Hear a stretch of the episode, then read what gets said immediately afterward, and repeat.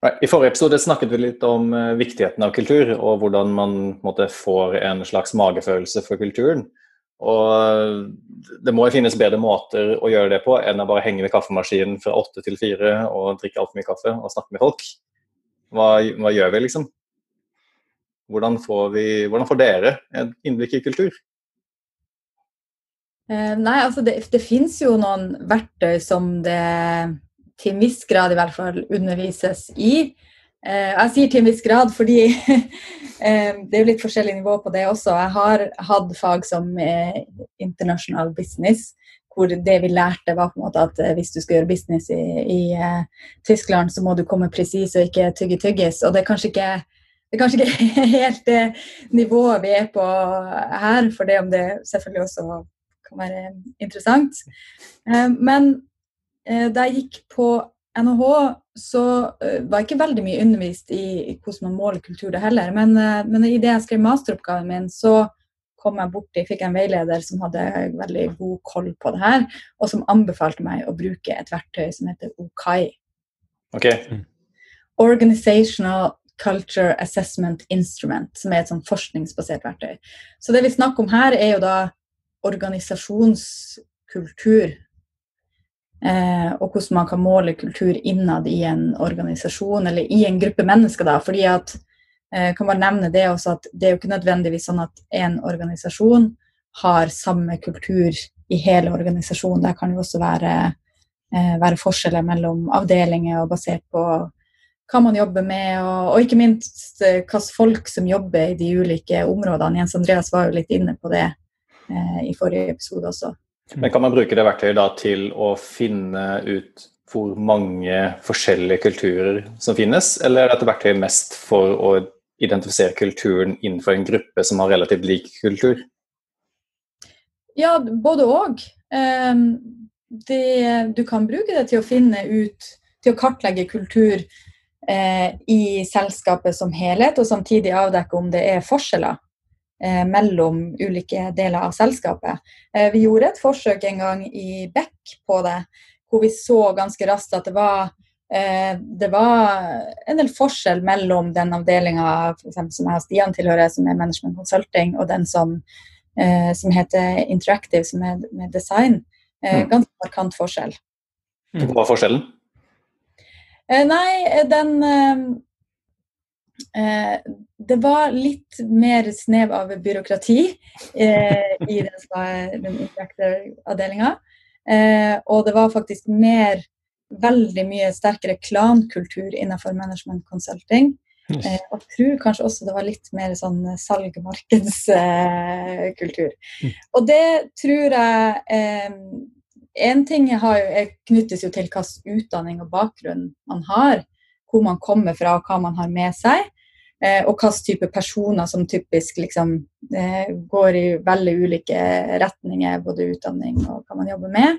Og det andre tror jeg også har litt med, med størrelsen. Altså Management Consulting er en mindre avdeling enn Interactive, eh, som kanskje gjør også at man er tettere knytta sammen og har mindre behov for byråkrati. Så det er jo også et element inn her. Jo større organisasjon, jo mer behov for eh, struktur er det jo ofte. Men eh, Pia, nå har jo du eh, allerede slengt ut noen eh, Okai-begreper. Du har snakket om klan og du har snakket om, om byråkrati, det vet vel kanskje folk hva er. Men kanskje vi skal ta et skritt tilbake og, fortelle litt hvor Okai kommer fra, og litt hva det består av. Så kan vi jo heller etterpå igjen eh, gå litt nærmere inn på hvordan du kan bruke det. Jeg tenkte, uh, Vi snakket jo litt i forrige episode om at uh, kultur er dette litt sånn ulne som alle vet at fins, men som har tradisjonelt sett vært vanskelig å ta tak i. Uh, og Der Kai kommer fra, uten at jeg skal påberope meg å være noen ekspert, det stammer jo som mye annet fra USA. Um, der det var to professorer som jeg tror hørte til University of Michigan, som gjorde nettopp en ganske omfattende forskning på hva er det egentlig, hvilke elementer er det som definerer en, en organisasjonskultur. Og satt egentlig da igjen med, med to uh, faktorer som dominerte uh, i stor grad. Uh, og Det er liksom de to faktorene som er, som er brukt til å bygge opp dette Okaira-verket. Jeg kan si litt om Det ene Det ene handler om hvorvidt en, en, organisasjon eller de som jobber i organisasjonen er internt fokusert eller eksternt fokusert. Det vil si om man har fokus på det interne, eh, opptatt av å utvikle egne ansatte, opptatt av eh, samarbeid og intern koordinering. Eller er man mer opptatt av eh, markedet, eh, kundene og det som skjer utenfor bedriften. Eh, og Det andre handler om, om eh, hvorvidt man vurderer eller en organisasjonskulturen fokuserer på stabilitet, dvs. Si struktur, planer, konsistens. Eller om man mer fokuserer på fleksibilitet, tilpasningsdyktighet, menneskene osv. Det er summen av disse to som på en måte da uh, blir brukt til å lage dette OKR-rammeverket. Og så kan du, Pia, som, som traff på dette mye mer enn meg uh, i utdanningen, snakke litt videre om hvordan det faktisk ser ut. Ja, hvordan det ser ut. Eh, jeg tror ikke jeg skal bruke altfor mye tid på å prøve å beskrive akkurat det rammeverket, for at man kan på en måte bare google Okai, så, så får man opp et bilde. Eh, et bilde sier mer enn tusen ord. Men kan bare si veldig sånn grovt, da, så er det jo delt i fire kvadranter. Så du har liksom eh, fire arketyper, kan man si, på kultur. Det er klan, som er veldig sånn her samarbeid, og her er vi som en familie, og vi tar liksom vare på hverandre. og så har du adokrati, som er veldig Eh, fremoverlent og ansett som den mest kanskje innovative og kreative kulturen. Så har du den som heter marked, som er mer sånn salgsretta målorientert og pling i bjella når man får et salg osv. Uh, og så har du byråkrati, som høres, som høres veldig uh, kjipt ut, men, men, det er jo dem som er kanskje mer uh, prosessorientert og opptatt av effektivitet. Eh, Eh, og for mange som vil kanskje liksom grøsse litt, man sier at eh, lean kommer jo definitivt liksom fra litt den sida, veldig opptatt av eh, prosess og flyt. Eh, og det er, ingen, det er, ikke sånn at det er en kultur som er bedre enn andre. Det kommer helt an på eh, hva selskap man er, hva man prøver å oppnå, eller, eller hvilken avdeling man jobber innenfor. Hvis du jobber med eh, innovasjon og prøver å finne nye løsninger, så vil du kanskje ha mer nytte av å ha en adokratisk kultur enn hvis du er en eh, eh, regnskapsavdeling eller jobber juridisk, hvor det liksom er om å gjøre å forholde seg til regler og sikre at man har fulgt en rutine og at ting er helt på stell. Eh, og det er heller ingen som har bare én kultur. Man, når man gjør en sånn kartlegging, så får man ofte opp en litt sånn eh, drage, drageform, mm. Eh, der man har liksom eh, sterkest eh, innenfor én kultur, og så har man elementer av, av, alle de tre andre også i tillegg. Men så, sånn som jeg hører dette, så, så, finnes det da fire arketyper, fire måter å egentlig få en organisasjon til å, å yte på. Da, og at det er i ulike sammenhenger så vil du gjerne at de skal være mer av det ene eller mer av det andre. Det passer, passer til ulike settinger. Det er kanskje her linken til strategi kommer. Da, at man, hvis man skal implementere en strategi som er på en gitt måte, så bør det også understøttes. Eller for å i det hele tatt klare å komme dit, så må man ha, være i den ene kvadranten. Er det sånn? Mm. Jeg tenker jo nettopp at uh, Det er jo litt essensen av hva strategi handler om. Altså mm. Strategi i mitt hode er i all enkelhet å sette en retning som sier at uh, her er vi, og der ønsker vi å være. Uh, og Vi snakket jo litt om forrige gang at uh, culture eats strategy for breakfast osv. Og, det er jo nettopp det å, å, også når det gjelder kultur, kunne si noe om denne kulturen har vi, og denne kulturen ønsker vi å ha. Og få det med som et element i en endringsprosess da, eller en strategiutviklingsprosess. Uh, og Det er derfor uh, Okai er et så ekstremt nyttig verktøy å ha som et verktøy inn i en endringsprosess. Ja, for noen år tilbake så var jeg med i Innlegg, da, som er et selskap som var i måte, den transisjonsfasen hvor de begynte å gå fra eh, veldig vekstfokusert når det gjelder liksom, antall eh, brukere, til at vi måtte begynne å gå på mye mer sånn, vekstfokusert på cash, rett og slett. da. Uh, og den endringen der medførte implisitt også en litt sånn endring i kultur. fordi Basert på de fire arketypene så virker det som om man gikk litt sånn fra en sånn adokratisk, markedsfokusert kultur til at man måtte ha en mye mer sånn byråkratisk kultur for å kunne få mest mulig cash ut av hver eneste transaksjon eller hver eneste bruker. Uh, og det var, så vidt jeg kan huske, så var ikke det noe sånn eksplisitt uttalt transisjon fra den ene kulturen til den andre kulturen. Og det var en del folk som forsvant på veien der, tror jeg. Og det var vel også litt sånn en del støy, da. Så hvordan gjør man en sånn type transisjon?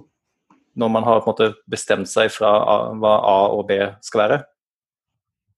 Ja, jeg tror du er inne på noe her. fordi at eh, det, det finnes noen sånne mønster som man har sett gjennom forskninga, på at eh, bedrifter typisk beveger seg fra en kultur til en annen. Eh, og kanskje uten at det er planlagt at du skal fra til B, da, men typisk f.eks. i et oppstartsselskap så kanskje er det mer adokratisk eh, kultur i starten. Man er et lite team og alle på en måte gjør det de er gode på. Og når man får vekst så, og blir mer opptatt av å uh, får inn aksjonærer som forventer utbytte og sånn, så, så, tvinges man i en mer byråkratisk retning, f.eks. Um, men et, et, fint startpunkt uansett at hvis man, hvis man ser at ok, der vi er nå, det passer ikke helt med det vi ønsker å oppnå. Vi har behov for mer innovasjon, f.eks. Hvis man tenker der vi er i dag, da, veldig mange som har fått eh, fart på liksom, innovasjon og digitalisering og ser at de trenger å, å, bevege seg raskere for å henge med i markedet, da, så er det mange som har behov for å flytte seg fra en litt sånn eh, byråkratisk eh, organisasjon og opp til mer adokrati. Og det er to motsetninger, de to. Mm. Eh, og det, det, første steget er jo at veldig mange vet kanskje ikke at de har en byråkratisk kultur. Så de, da må du liksom begynne med å, med å kartlegge da, hvor er det vi er i dag. Hvilken kultur har vi, for å vite eh, hva man skal jobbe med, hvilke justeringer man kan gjøre for å prøve å påvirke kulturen.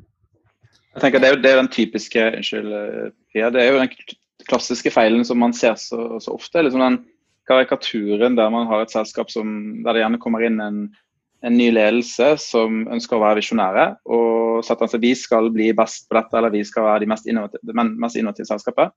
Og så catcher man ikke at man har en kultur som er byråkratisk, og da får man mismatch mellom man, den strategien man legger og den kulturen man har. Og Hvis ikke man tar med da, eh, erkjenner at man må gjøre en, en endring av kulturen samtidig som man eh, jobber med strategien, så feiler man da. Mm. Så Okai er jo egentlig ment da for å kartlegge kulturen, og samtidig også brukes for å tydeliggjøre hvor man ønsker at kulturen skal vinkles eller dras hen. da. Eh, det har vært veldig interessant å snakke litt mer om konkrete grep eh, kanskje en annen episode, da. konkrete grep for å dra kulturen i den retningen man ønsker å dra den til.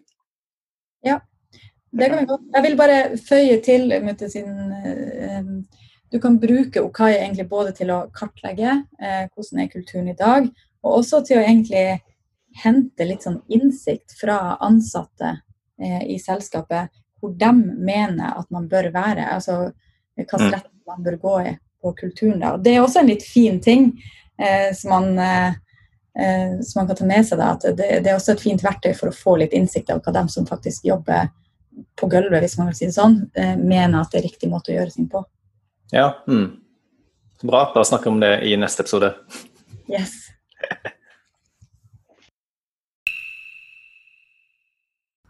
Drypp er en lavterskelpodkast fra Beck, hvor vi diskuterer diverse temaer som interesserer oss.